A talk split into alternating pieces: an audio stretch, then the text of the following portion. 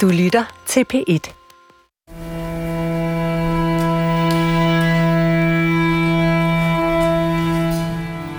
Jeg ansøgte om og fik lov til at indtræde og leve en tid i Cistercienserne klostret.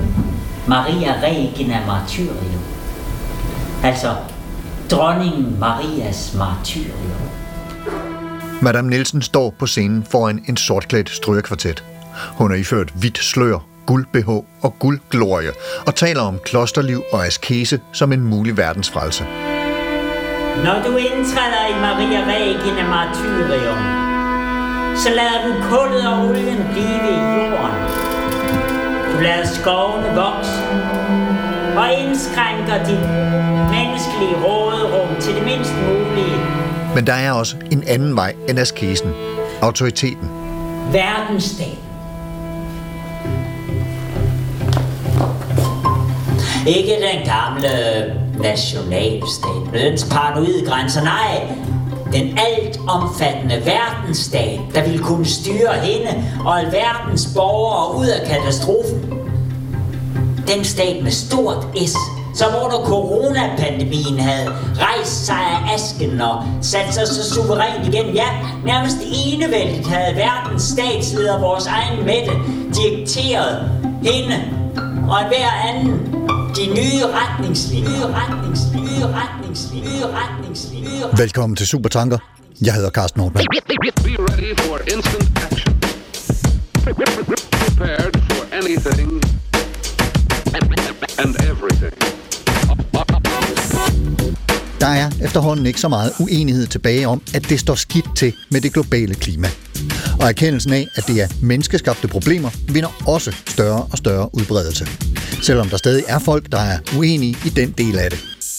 Men er der i det mindste enighed om, at vi som menneskehed skal gøre, hvad vi kan for at imødegå det ruten, hører jeg nogen spørge.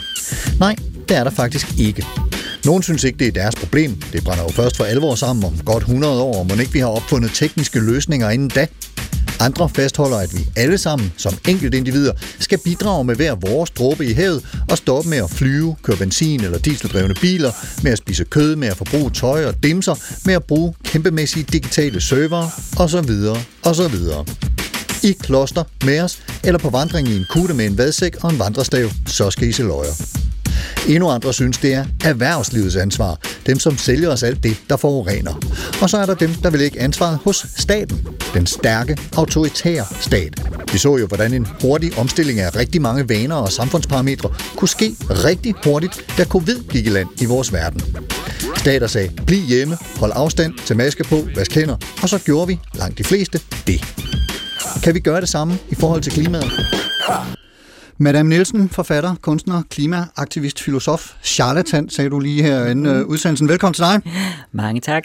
Hvorfra stammer din interesse i klimaet, og og er der ligesom sådan en, en begivenhed eller en tid, der har været øh, udslagsgivende for, at du bevægede dig ind i, øh, i det her emnefelt?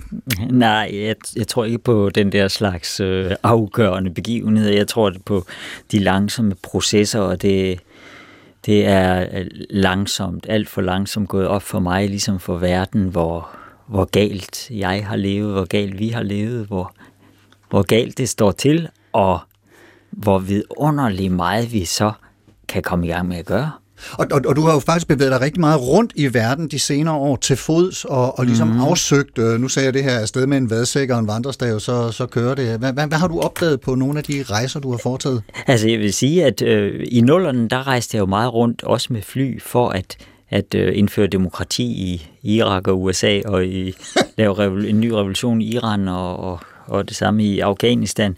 Og, og det, det, den tid er forbi, så nu har det meget været Europa. Altså jeg har, øh, øh, og hvad hedder det, øh, så jeg jo øh, øvet mig i, sådan i hvert skridt, at, at, øh, at overveje, hvad er den her ting, øh, den her bevægelse, den, øh, det jeg møder undervejs, hvor kommer det fra, hvordan er det blevet produceret, Hvil- hvilken, hvilken sted øh, er i, i klimakatastrofens kæde befinder det her sig?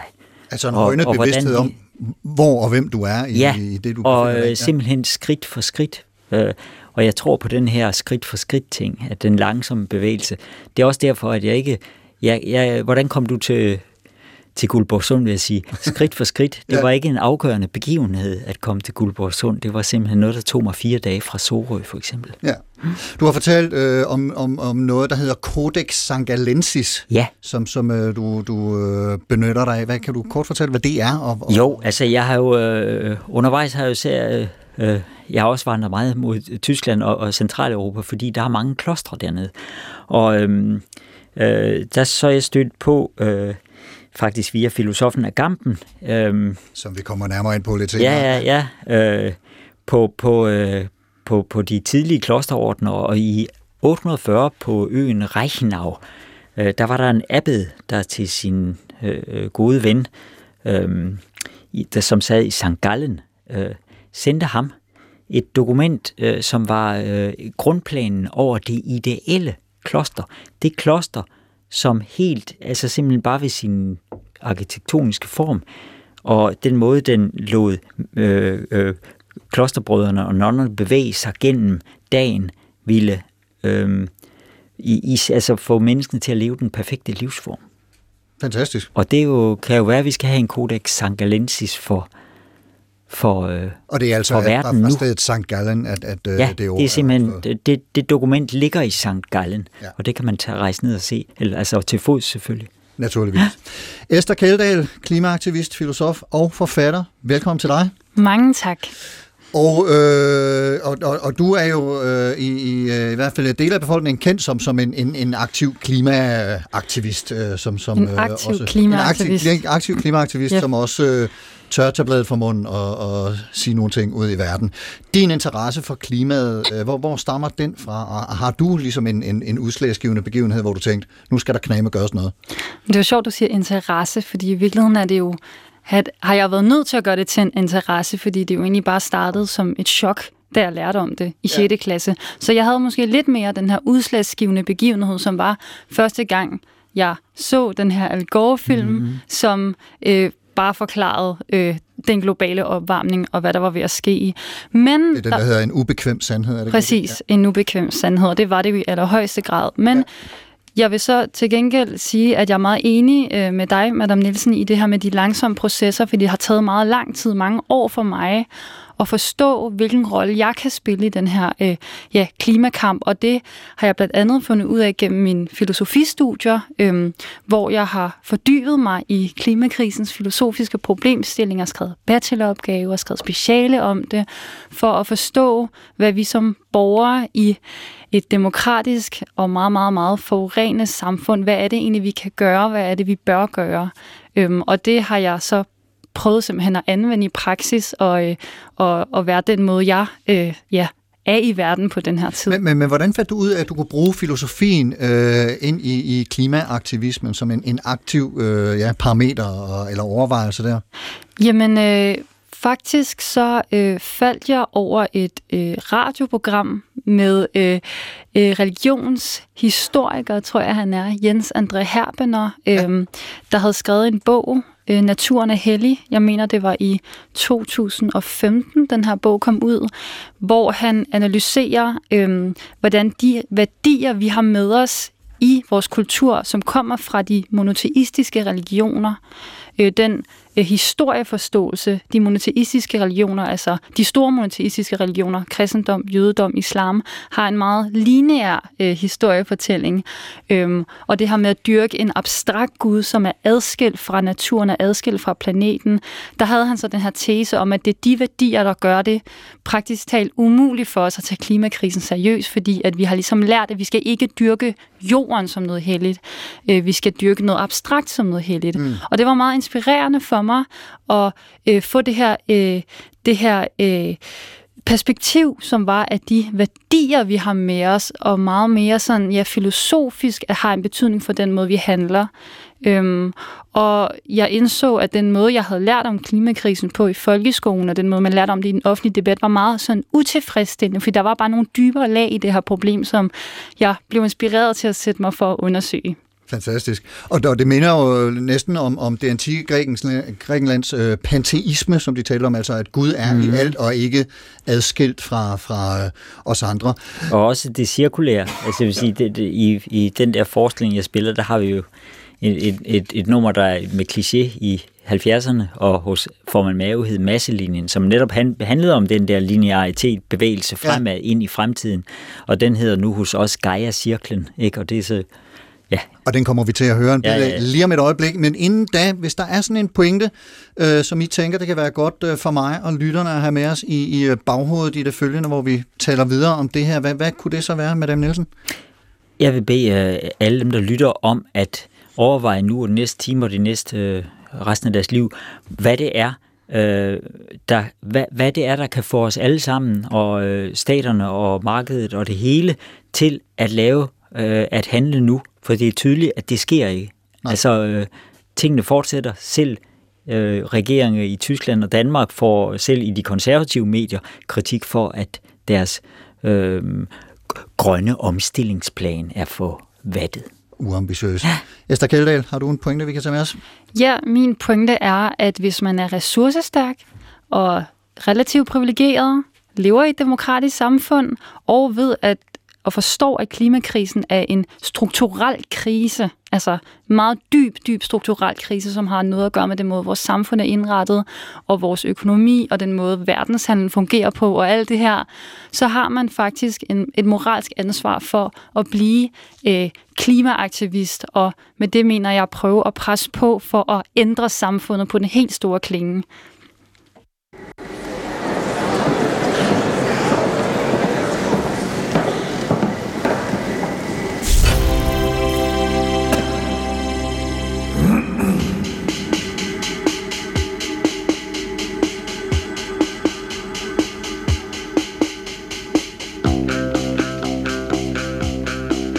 Madame Nielsen er født Claus Bæk Nielsen i 1963.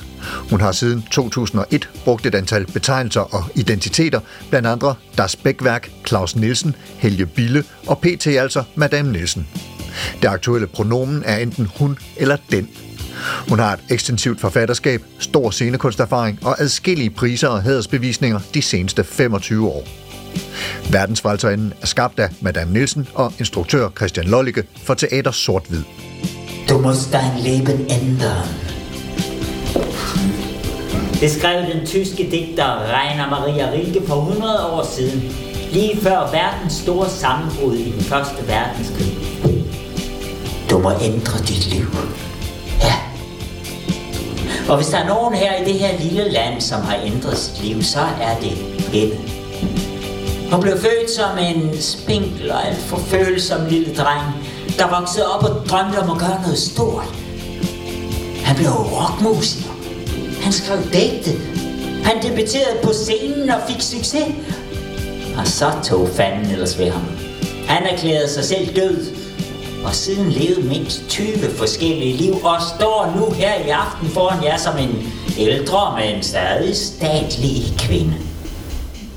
Hun har ændret sit liv så mange gange, hun ikke længere har talt på det. Men nu, hvor det pludselig er alvor ikke længere bare drejer sig om hendes eget lille liv, men om planeten og hendes børns fremtid, så strider hun imod. Hun, der har styret sig selv med hård hånd et halvt liv igennem, kan pludselig ikke styre sig.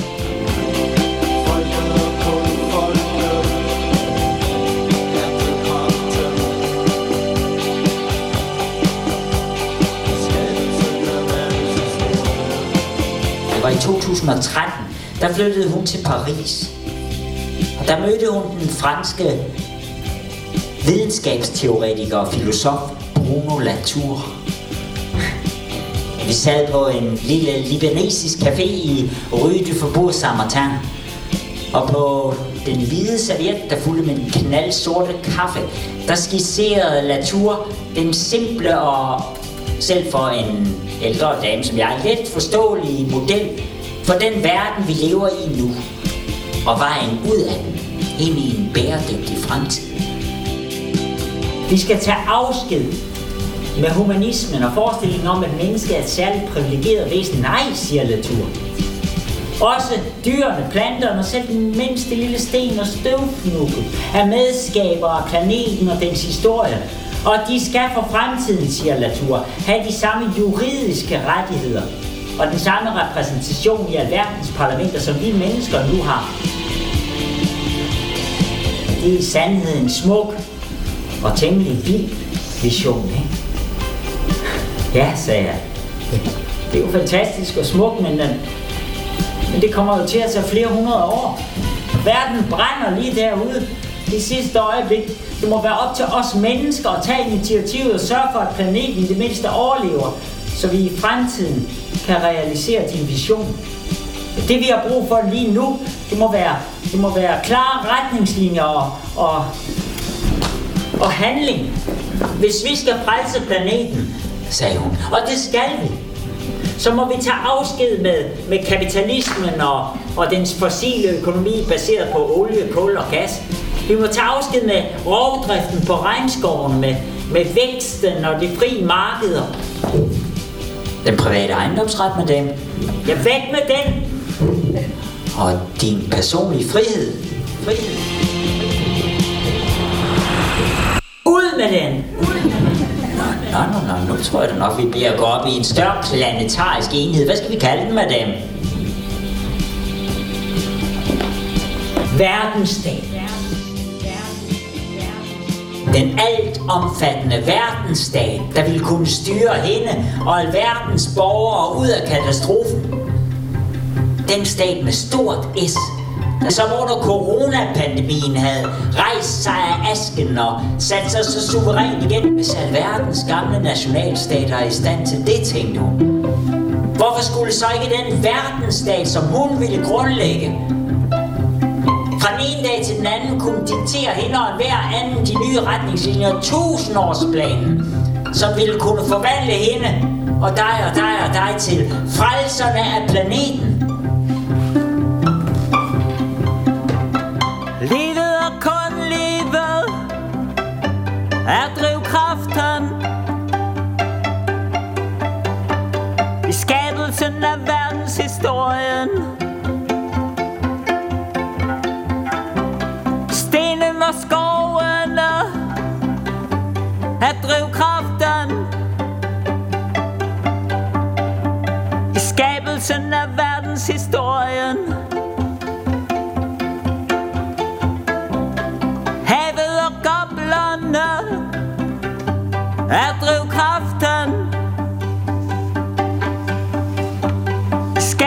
Skabelsen af verdensstaten. Staten og kun staten er skaberen Af livet og planetens historie.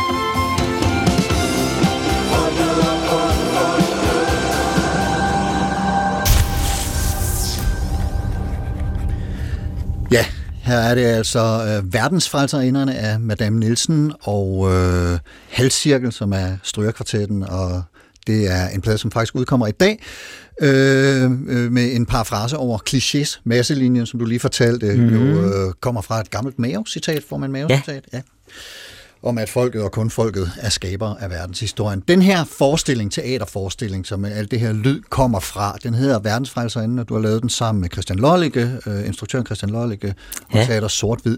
Vil du kort beskrive, hvad det er for en slags forestilling? Uh, ja, ja det, det er jo så svært sådan noget. Det, det er vel også noget, det man kalder en performance, men jeg har en øh, strygekvartet med mig på scenen, og det er en forestilling, som ligesom vi lavede en, der hed øh, for et par år siden, der hed White Nick og Black Madonna, som også skabte en, Skabte en vis røre. en vis røre, Ja. en lille andedam.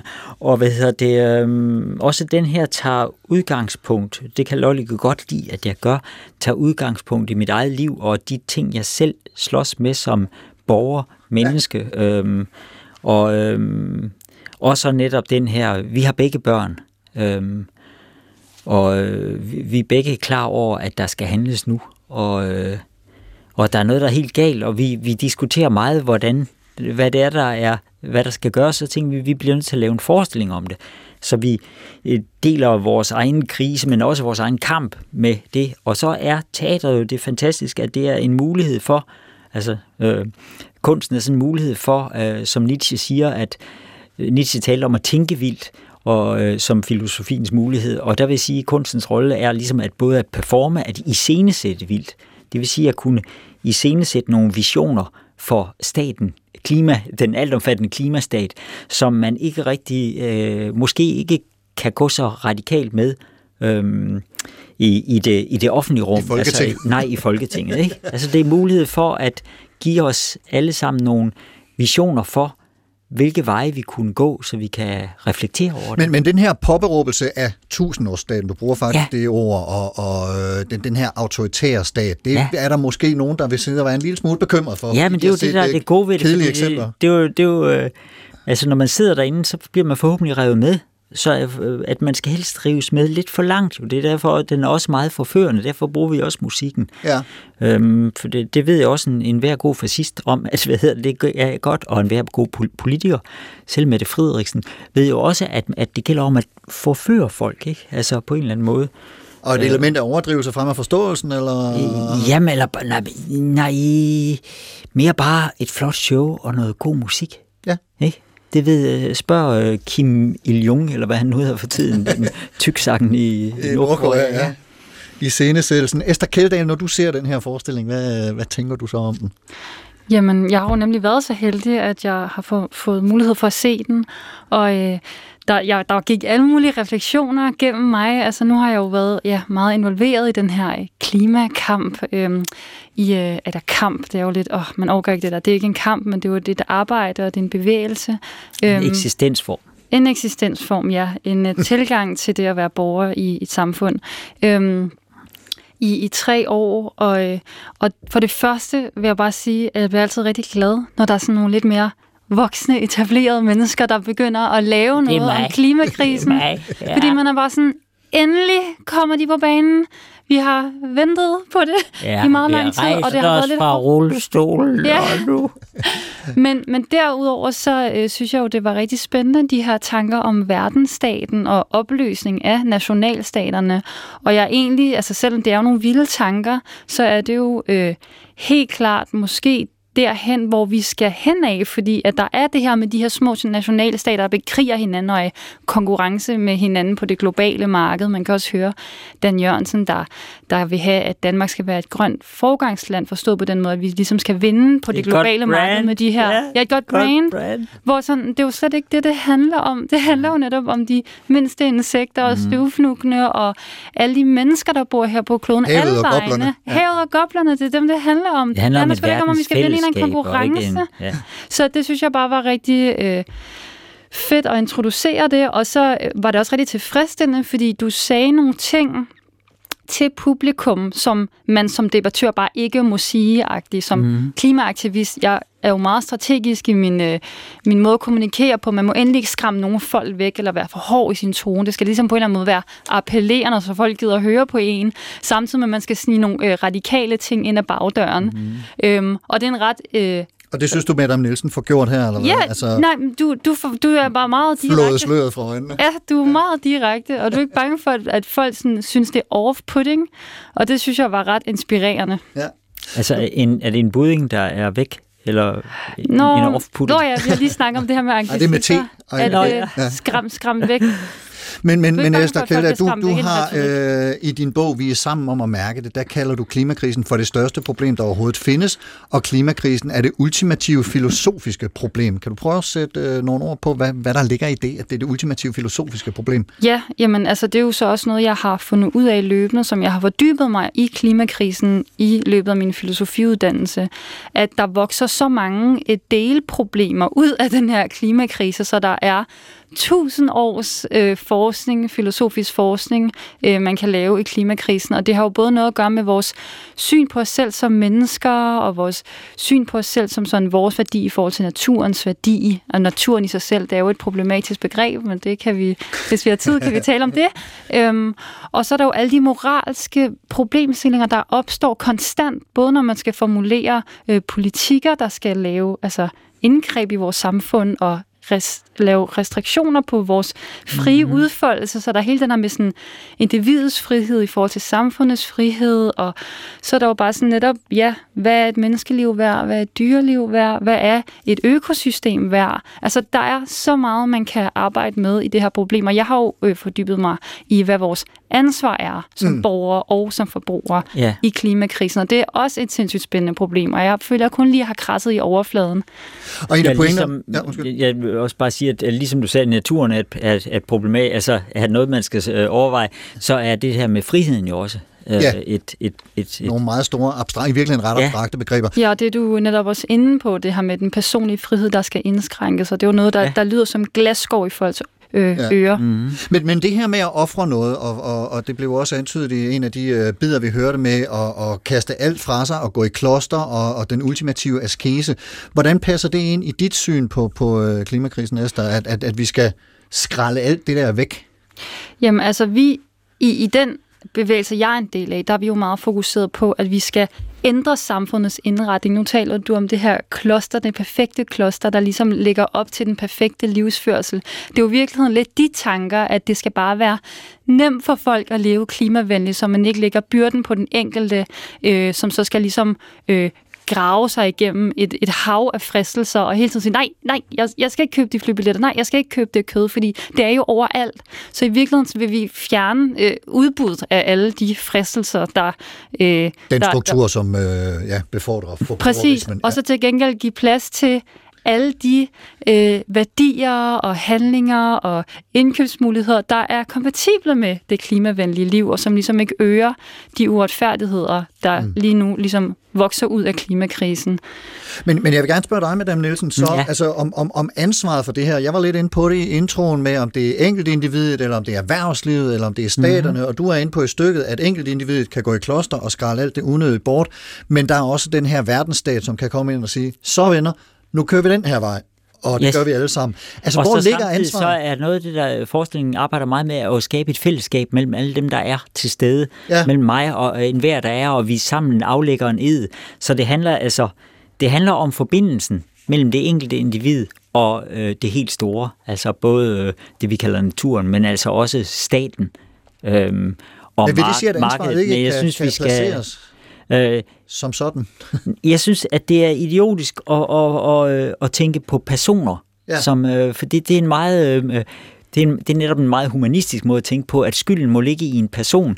Og det, der, tror, der tror jeg altså, det er vigtigere at tænke i struktur, sådan at, det, at der ikke er nogen, der skal gå og føle skyld, at, at, at det mere drejer sig om, at der skal handles. Men det er helt klart, at der skal lukkes for nogle... Øh, Øh, altså, hvad hedder det, hvis Elon Musk faldt ned med sin øh, Rumskib. ting der, det vil da ikke genere mig, vel? Nej, nej. Men øh, med mindre at det sviner, der hvor han lander. Det kommer det ikke? sikkert til. Ja. Esther? Jamen, bare for at bygge oven på dine pointe i forhold til at lave det til, sådan centrere det omkring nogle enkelte personer. Når man tænker over, hvor gammel den her klimakrise er, mm-hmm. nu snakkede vi lige om, lige inden vi gik ind i programmet, at det, der, der er jo lidt uenighed om, hvor, hvor mange år den her klimakrise har på banen, så begynder man, når man forstår, hvor gammel den egentlig er, at forstå, sådan, det giver nemlig ikke mening at skyde skylden på en enkelt person, for der er ingen nulevende mennesker, der har været med til at skabe krisen. Men når først man ved, at der er den her klimakrise, og forstår sin, egne, sin egen magt, sin egen potentielle magt i et demokrati, så er det jo netop, at, at, jeg, at der begynder at komme et ansvar, som man ikke kan løbe fra. Ja, og så kan vi måske øh, lige så godt, altså i stedet for at tale om at ofre sig selv, så bare øh, øh, øh, give sit liv til noget, ikke? Altså en, en hengivelse. Ja, og hvis jeg lige må tilføje, at øh, når man giver sit liv til klimaaktivisme, som jeg har gjort, det lyder meget voldsomt, Det lyder men så bliver man jo øh, en del af et fællesskab, og møder en hel masse andre mennesker, der også vil det. Og for mig har det været et kæmpe boost i mit liv. Jeg synes simpelthen, at mit liv er blevet så meget mere spændende, efter jeg er blevet klimaaktivist. Så jeg føler ikke, at det har været et offer.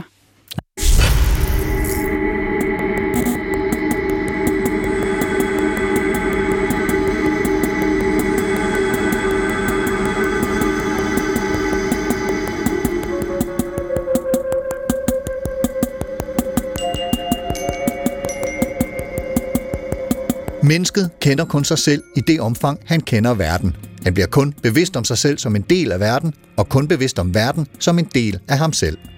Et hvert objekt, når man tænker tilstrækkeligt over det, åbner nye veje og organer i os. Citat slut.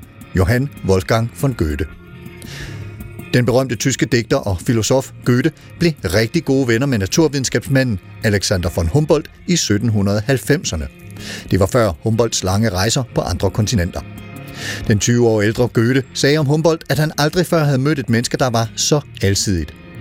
I den gruppe af venner var også den tyske digter, filosof, læge og dramatiker Friedrich Schiller og Alexanders storebror, filosof, lingvist, statsembedsmand og diplomat Wilhelm von Humboldt, som grundlagde Humboldt-universitetet i Berlin i 1811. I årene 1799-1804 rejste Alexander von Humboldt i Sydamerika med en gigantisk oppakning af måleinstrumenter, som han dels havde indkøbt, dels selv havde konstrueret.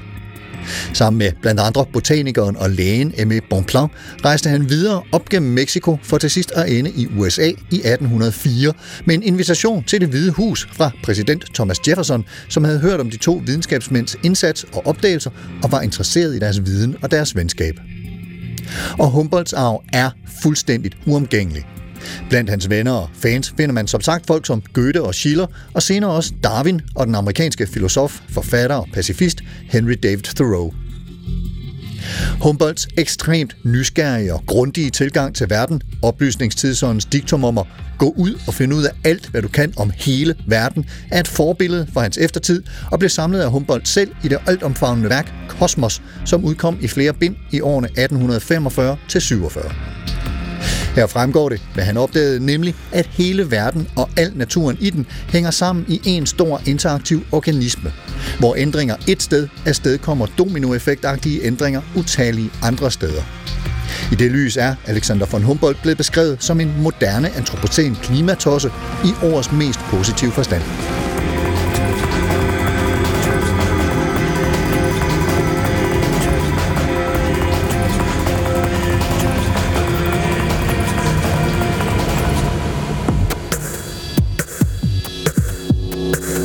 En af de vigtige ændringer i klodens tilstand, som vi mennesker bidrager med, er udledningen af CO2 og den effekt, som det afstedkommer.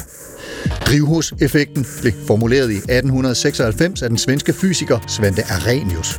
Arrhenius var oprindeligt interesseret i en forklaring på istiderne tidligere i historien og benyttede i den forbindelse den fysiske kemis basale principper til at beregne, hvor meget en øgning i udledt CO2 får klodens temperatur til at stige. Og de beregninger ledte ham til den konklusion, at menneskeskabt udledning af CO2 fra for eksempel afbrænding af fossile brændstoffer er omfattende nok til at afstedkomme global opvarmning.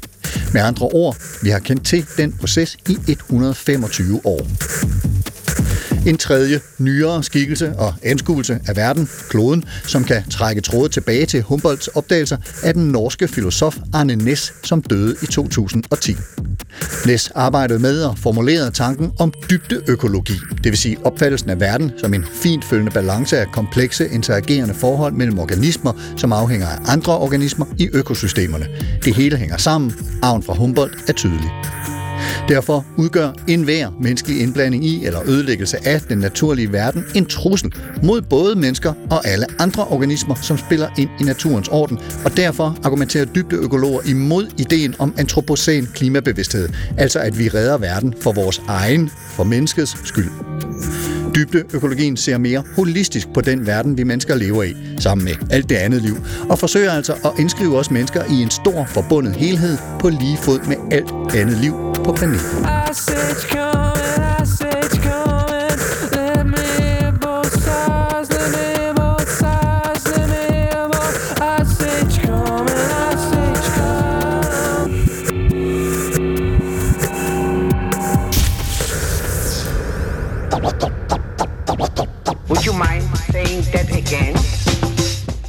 Hvordan redder vi verden fra klimaundergangen? Den menneskeligt foranledige apokalypse. Vi kan skralde alt unødigt forbrug væk og gå i kloster, om ikke andet så i hvert fald anlægge den livsstil, der hører klosteret til, nøjsommeligheden, måske hypernøjsommeligheden. Eller vi kan sige til vores stat, I bestemmer, læg en plan, fortæl os, hvordan vi skal nå den og sætte den nødvendige styring i værk. Mindre frihed, ja. Mere tryghed, ja. Det har virket under covid, synes i hvert fald nogen, måske endda mange. Måske kan vi også få det til at virke i forhold til klimakrisen. Teaterforestillingen Verdensfrelserinden af Madame Nielsen og Christian Lollicke giver et bud og inddrager blandt andre den franske filosof Bruno Latour. Og Madame Nielsen, hvad er det øh, efter din mening, vi kan bruge Latour til øh, i den her samtale?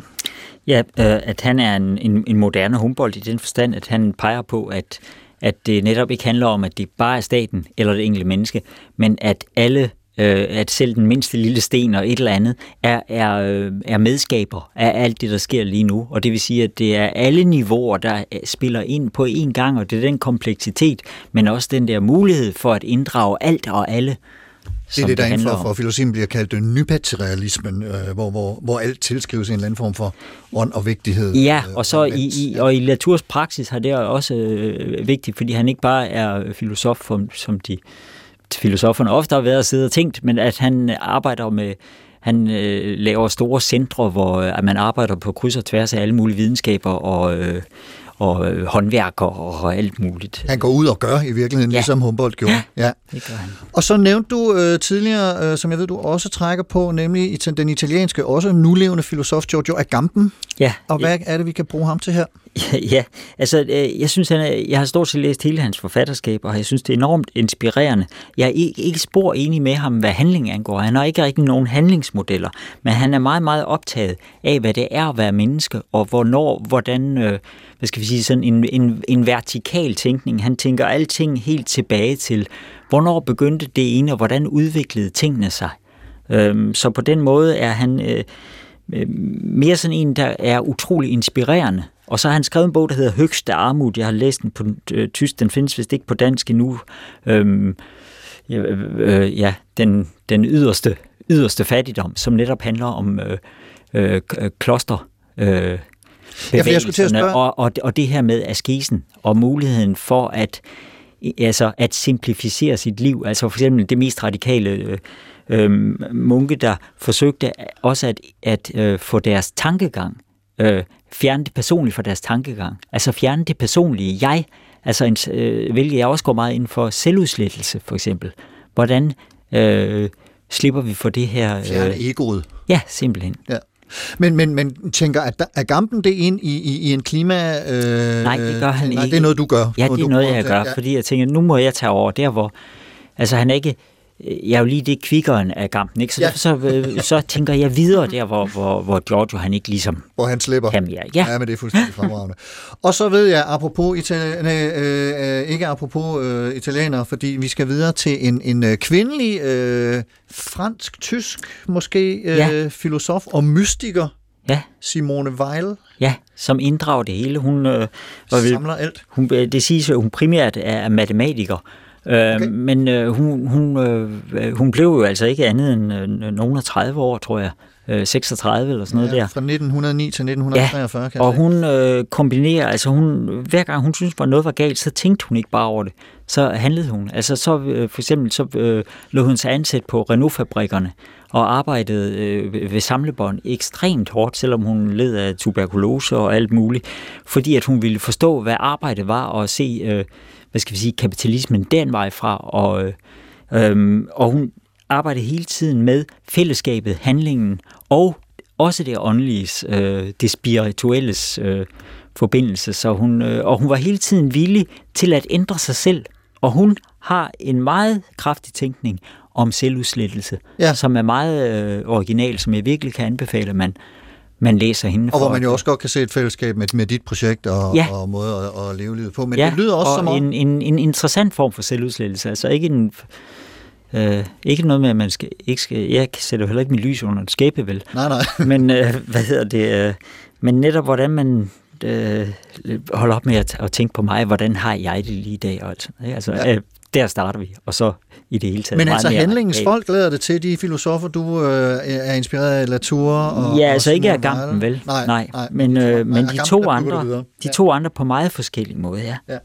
Og Esther Kjeldahl, øh, som jo faktisk er uddannet filosof, eller fagfilosof, eller hvad vi nu vælger at kalde det. Du øh, har en, øh, en for mig ny øh, tænker øh, med, Casey Rentmeester, en yngre amerikansk filosof. Øh, Hvem er han, og hvad, hvad kan vi bruge ham til? Jamen, han har, øh, han har øh, arbejdet med begrebet bæredygtighed, og øh, kigget på, hvordan kan man bruge øh, nogle af de sådan OG-filosofer, øh, altså, som OG, hvad er det? original gangster. Okay, bare de... Originelle nogle af de, gangster. Ja, ej, Original Originale gangster, ja. altså ups. Okay, boomer, siger vi så til ja. verden. Ja. Ej, men det var også mærkeligt sagt. øhm, Kant. Han har, jeg har bare læst en artikel af ham, hvor han bruger Kants idé om øh, en handlingsuniversaliserbarhed for at undersøge, eller som et redskab til at undersøge, om ens øh, valg er universaliserbare og, og dermed sådan moralsk øh, forsvarlige. Og for lige at give en, en kort introduktion til Kants begreb om universaliserbarhed, så, øh, og det er jo forbundet til det her kategoriske imperativ, at en handling, den er ligesom øh, etisk øh, forsvarlig, hvis alle i verden kan gøre det samme som dig, uden at det helt fuldstændig kollapser. Altså du skal kunne blive ved med at gøre den handling, hvis alle andre også gjorde det. Ja, altså enhver handling, man foretager, skal kunne ophøjes til universelt princip for Præcis. vores alle sammen. Så for eksempel giver det ikke mening at stjæle fra en butik, fordi hvis alle stjæler fra en butik, ja. så er det ligesom flere er varer, og så kan du faktisk galt. ikke fortsætte med at stjæle. Nej. Så, øhm, og så med udgangspunkt i det her princip, så undersøger Casey Rentmeester begrebet bæredygtighed og siger, jamen man må jo simpelthen spørge sig selv, når jeg gør det her, for eksempel kører en søndagstur i min øh, SUV, hvad hedder det på dansk, firehjulstrækker, Ja, en, Firehjulstrækker. en, en meget fed bil. En- Stor. Ja, og meget, meget larmende, benzin meget ja. lugtende bil. Øhm, vulgær, vil jeg sige. Øhm, så øh, skal man spørge sig selv, vil alle i verden kunne gøre det her? Ja. Og, og, og jeg så kunne fortsætte med at gøre det? Så siger han, nej, det kan, det kan alle jo i verden jo simpelthen ikke, fordi at så kollapser altså, alt jo fuldstændig, hvis alle mm. kører rundt i deres øh, private firehjulstrækker. Og kommer så med eksemplet, at en cykeltur for eksempel, den udleder 0% CO2, 0 gram, så derfor øh, vil alle i verden jo godt kunne gøre det, derfor er det bæredygtigt. Men jeg vil dog sige, at jeg er faktisk ikke enig med Casey Rentmeester, fordi at når man cykler på en cykel, så den energi, der bliver brugt på at cykle, det kommer fra det mad, man har spist. Og jeg ved, at Concito har lavet en opgørelse over øh, for danskere, de forskellige transportmidler, om de går eller cykler eller tager bil, hvor meget øh, man udleder hver især øh, hvis man kører for eksempel, eller transporterer sig 5 km. Og danskernes cykeltur er egentlig meget mere klimabelastende, end vi tror, fordi danskerne spiser så meget kød, så de kalorier, der Ej. kommer ind, Så det er kommer fra selvfølgelig kød. de veganske cyklister, vi De skal have. veganske cyklister, de er bæredygtige, men cyklen er jo også blevet produceret, og på den måde er der også blevet udledt CO2 i produktion, så Og, og lokal vegansk. Altså ikke noget med at købe sojamælk, vel? Men, Nej. men altså Ja, havremælk lavet her, lige herude. Ja. Ja, og, og Så rugbrødsmotoren, det er ikke nogen øh, væsentligt bedre motor end øh, nej, end ikke så længe vores samfund er baseret på Jo, fossile brændsler. råbrødsmotoren, netop det er ikke kødmotor. Det er rigtigt, men så længe vores samfund er baseret på fossile brændsler, og vi stadig har en, en madkultur, der er bas- baseret på udnyttelsen af dyr, altså mælk Ja. og æg og kød, så er der ingenting, vi gør i den her verden, i det her samfund, der er bæredygtigt, hvis vi bruger Kants princip. Så det op, er ja. jo også et argument for, at vi er nødt til at ændre hele vores samfund og hele Yes. samfundets grundlag, fordi ellers, altså det er en illusion at tro, at man kan leve bæredygtigt i Danmark. Medmindre vi alle sammen bliver veganere. og vi får afkoblet os fra fossile brændsler, og får gjort et opgør med øh, vækst, altså økonomisk vækst, som en succesparameter i samfundet. Så- Blandt Ja. andet. Virkelig radikale til. Men så vil det faktisk sige, jeg vil hellere gå i den utopiske retning og sige, det er muligt Ja. at leve bæredygtigt i Danmark. Så skal vi bare gøre sådan og sådan og sådan og sådan og sådan og sådan. så når og vi kan lige godt komme i øh, gang, for fanden. Det er jo det, det, vi har øh, livet for. Til, så, Ja. ja, ja. Ja, så man kan måske også bruge det her princip til så at tænke, okay, der er virkelig lang vej igen, og hvis vi skal bruge de her idealer, så er der fandme stort arbejde forud, og det er jo så det, vi Det er blandt andet prøver at gøre i klimabevægelsen. Fremragende. Muliggør det bæredygtige liv.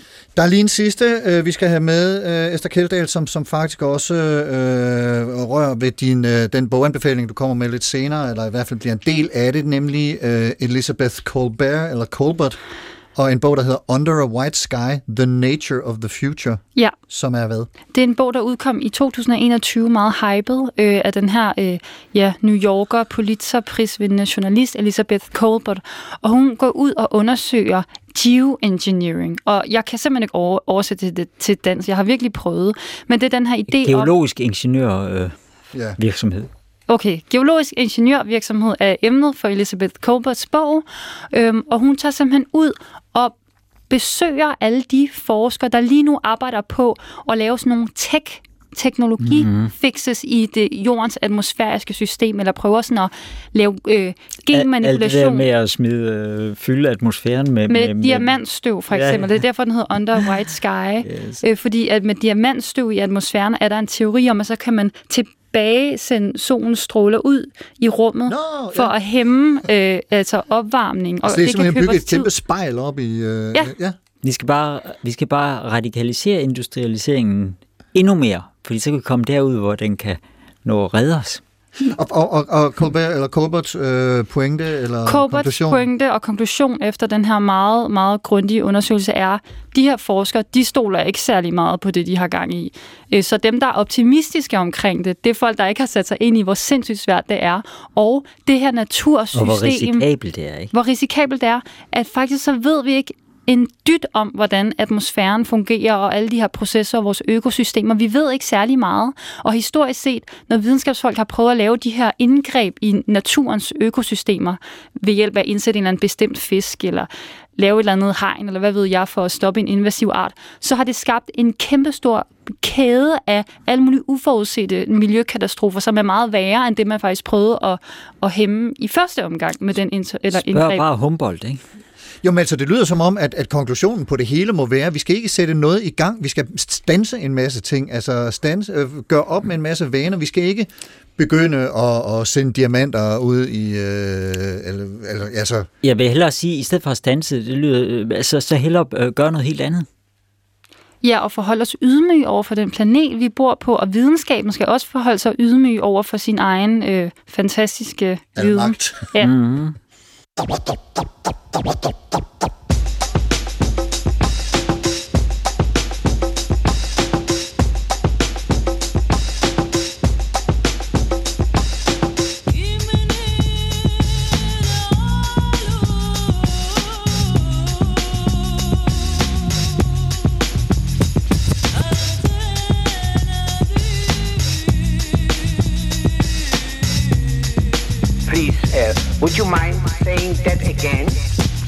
Thinking of a master plan.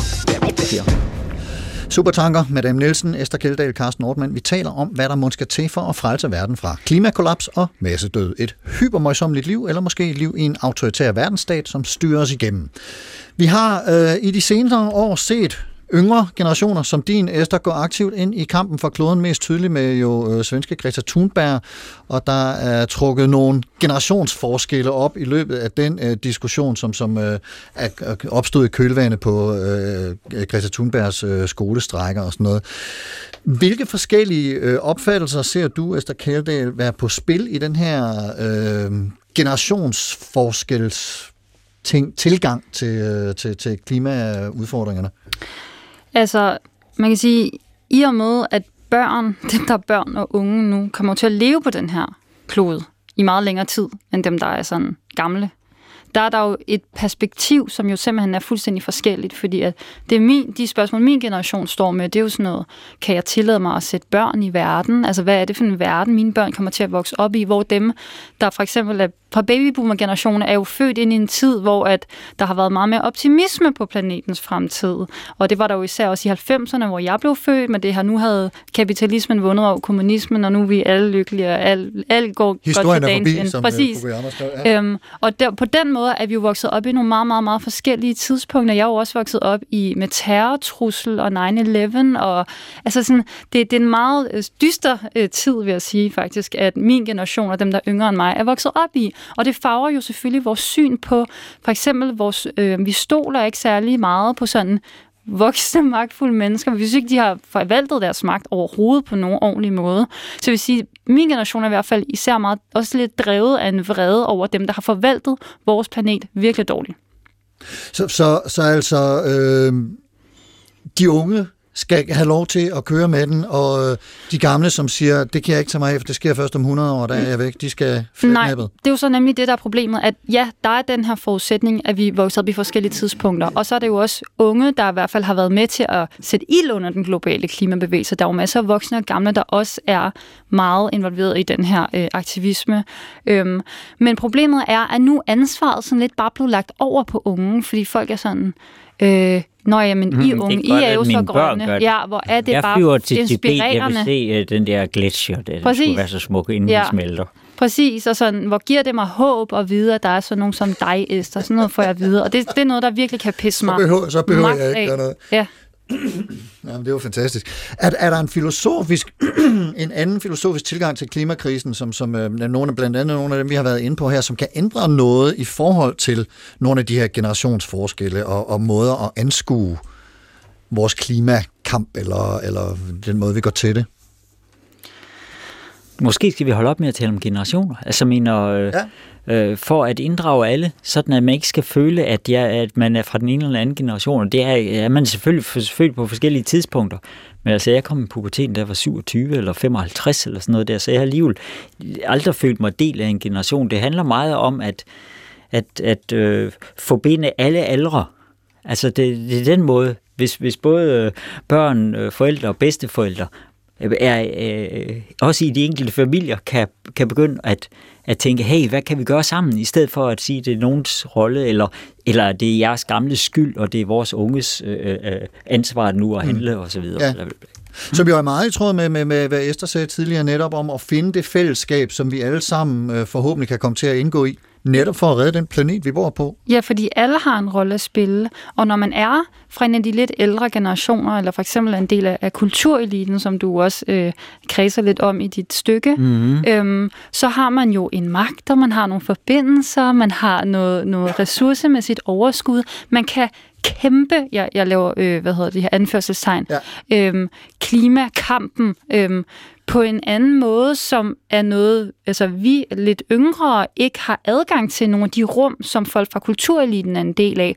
Og mange fra kultureliten er også med til at sætte nogle normer, og dem som andre folk ligesom ser op til. Så der har man jo også et, et meget stort ansvar for ligesom at være bannerfører og risikere sig selv, sætte sig selv på spidsen. Ikke være bange for, at de andre fra kultureliten synes, man er kikset, fordi man ikke spiser kød, eller ikke flyver, eller hvad ved jeg. Fordi jeg tror, der er rigtig mange sociale normer på spil, som holder folk fra de lidt med sådan øh, finere borgerskaber tilbage fra at handle. Og det er Supertankeren, som er i land om et par minutter, men øh, inden vi kommer dertil, så skal vi lige nå at høre et par anbefalinger fra jer to gode gæster til, hvor lytterne kan gå hen, hvis de vil undersøge nogle af de her tanker nærmere. Og Esther, du har taget en, øh, en videnskabelig artikel med af en fyr, der hedder Michael Maniatis, eller noget af den stil. Ja, jeg ved ikke, hvordan man udtaler hans efternavn. Maniatus. Maniatus, sådan staves det i hvert fald. Hvad er det for en artikel? Jamen, det er en artikel, som øh, fik min hjerne til at eksplodere, da jeg læste den. Den er helt tilbage fra 2001, og han øh, kritiserer, han er professor i statskundskab, og kritiserer den det skift, der har været i den amerikanske miljøkamp og de amerikanske grønne NGO'er, der pludselig i løbet af 90'erne begyndte at lægge ansvaret for at bekæmpe miljøproblemerne hen på forbrugernes skuldre, altså ved at op, oplyse forbrugerne om, hvad de kunne gøre. Hvor han siger, at det øh, den, det fokus overhovedet ikke står på mål med, hvor voldsom en krise det er, vi er ikke i gang med. Så det er sindssygt vigtigt, at vi faktisk siger fra over for den her forbrugerfixerede diskurs, som jo netop kommer oppefra, altså når politikere eller store virksomheder lægger ansvaret over på forbrugerne. Dermed ikke sagt, at man ikke har et ansvar som individ, men man skal bare ikke acceptere, at det bliver et forbrugsansvar udelukkende, fordi det er også nogle strukturelle øh, øh, forandringer, der skal til i meget høj grad. Og den her artikel, den hedder Plant a Tree, Buy a Bike, Save the World, spørgsmålstegn, og den er tilgængelig online, og jeg lægger naturligvis øh, titlen og forfatternavnet på Facebook-siden Carsten Nordmann Radio her efter udsendelsen. Madame Nielsen, øh, en bog af en svensk øh, klimaaktivist, eller ja, tænker? altså jeg vil nævne tre ting, og den sidste er faktisk den vigtigste. Ja. Altså Simon, Simon Weil, Øh, der er mest på fransk og engelsk, men der er også ved at blive oversat mere på dansk. Og så en øh, Andreas Malm, som er en, øh, jeg tror han er geolog og bor i Berlin, øh, en svensker, øh, som har skrevet en, med den, en bog med den meget øh, fede titel, der hedder How to Blow Up a Pipeline. Ja. Altså, hvordan, øh, ja, øh, hvordan man øh, sprænger en olieledning i luften. Ja. Og så den vigtigste, det er, at lytterne skal bare blive hængende her, fordi efter radioavisen, der er det sådan, at nu fortsætter vi simpelthen bare programmet her, og så, øh, øh, så, og vi åbner dørene, så folk fra Fyn, nu er vi på Radio Fyn i dag, og så skal folk bare komme herud, og så bliver vi ved med at tale, og, øh, og, og lytterne skal hænge på, øh, fordi først når vi har øh, fundet en plan for det hele, så kan vi få lov at få den næste retvis. Det er alligevel næsten altid det samme der i, og om de samme politikere. Så nu tager vi heldigvis over til at vi medierne. Så og hvor gerne, jeg end, hvor gerne jeg end ville øh, understøtte den tanke. Jamen det har du synes, desværre ikke nogen magt øh, til mere. Det fortsætter efter radiovisen. Jeg er, jeg er en, en færdig en i det spil. Jeg vil godt have lov til øh, ganske kort øh, også at øh, anbefale et par bøger, nemlig øh, lektor Mikke Gjerris øh, bog Upraktisk håndbog i lysegrønt håb Jørgen Sten Nielsens bog, Som galt det livet, og det må man jo sige, det gør, og Thomas Hepsgaard, Rasmus Thier Bæk og Mads Nyvolds, Hvis vi vil, som alle sammen har været omtalt i tidligere supertanker udsendelser. Og så øh, var der en, en, en kort en fra, øh, ja, så er der øh, Esther Kjeldags bog, øh, Vi er sammen om at mærke det, og Esther, du øh, havde også en anmeldelse af øh, Elisabeth Kohlberg-bogen, som vi måske øh, også kan finde link til på Ja, øh, Den nettet. er på til Atlas Magasin. Yes. Det var den superoptagning, vi er på vej mod land for i dag. Madame Nielsen, forfatter, kunstner, klimaaktivist, filosof og meget mere. Mange tak, fordi du kom og var med til at losse til vores forståelse af, hvordan vi måske kan frelse verden. Tak, vi bliver bare med. Yes, og verdensfrelserinden øh, teaterstykket har altså spillet i København og Aarhus og kan opleves i Odense i aften og de kommende to dage, det vil sige den 7. til den 9. september 2021. Og i dag udkommer også musikken fra forestillingen af Madame Nielsen og Halvcirkel, et album med titlen Verdensfrelserinderne, og den er i handlen. Esther Kjeldahl, klimaaktivist, filosof og forfatter. Tusind tak også til dig for at være med til at gøre os alle sammen lidt klogere her i dag. Det var en fornøjelse. Yes. Selv tak. Og som sagt, øh, Esther Kjeldags bog, vi er sammen om at mærke det, er også i handlen. Den er ude på People's Press og kan købes der, hvor du ellers køber bøger. Ja. Yeah. Og som så vanligt, mange, mange tak til dig, kære lytter, for at lytte med. Hvis du kan lide det, du hører, så del det med dine venner. Måske især, hvis der er klimaskeptikere iblandt. Og man kan jo altid høre eller genhøre programmet i appen DR Lyd. Programmet i dag var tilrettelagt af mig. Jeg hedder Carsten Nordmann. Ha' en rigtig god uge og på genhør.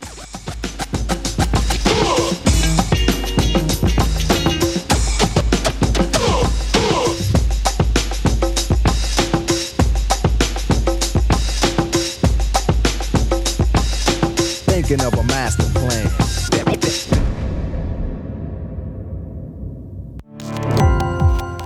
Gå på opdagelse i alle DR's podcast og radioprogrammer. I appen DR Lyd.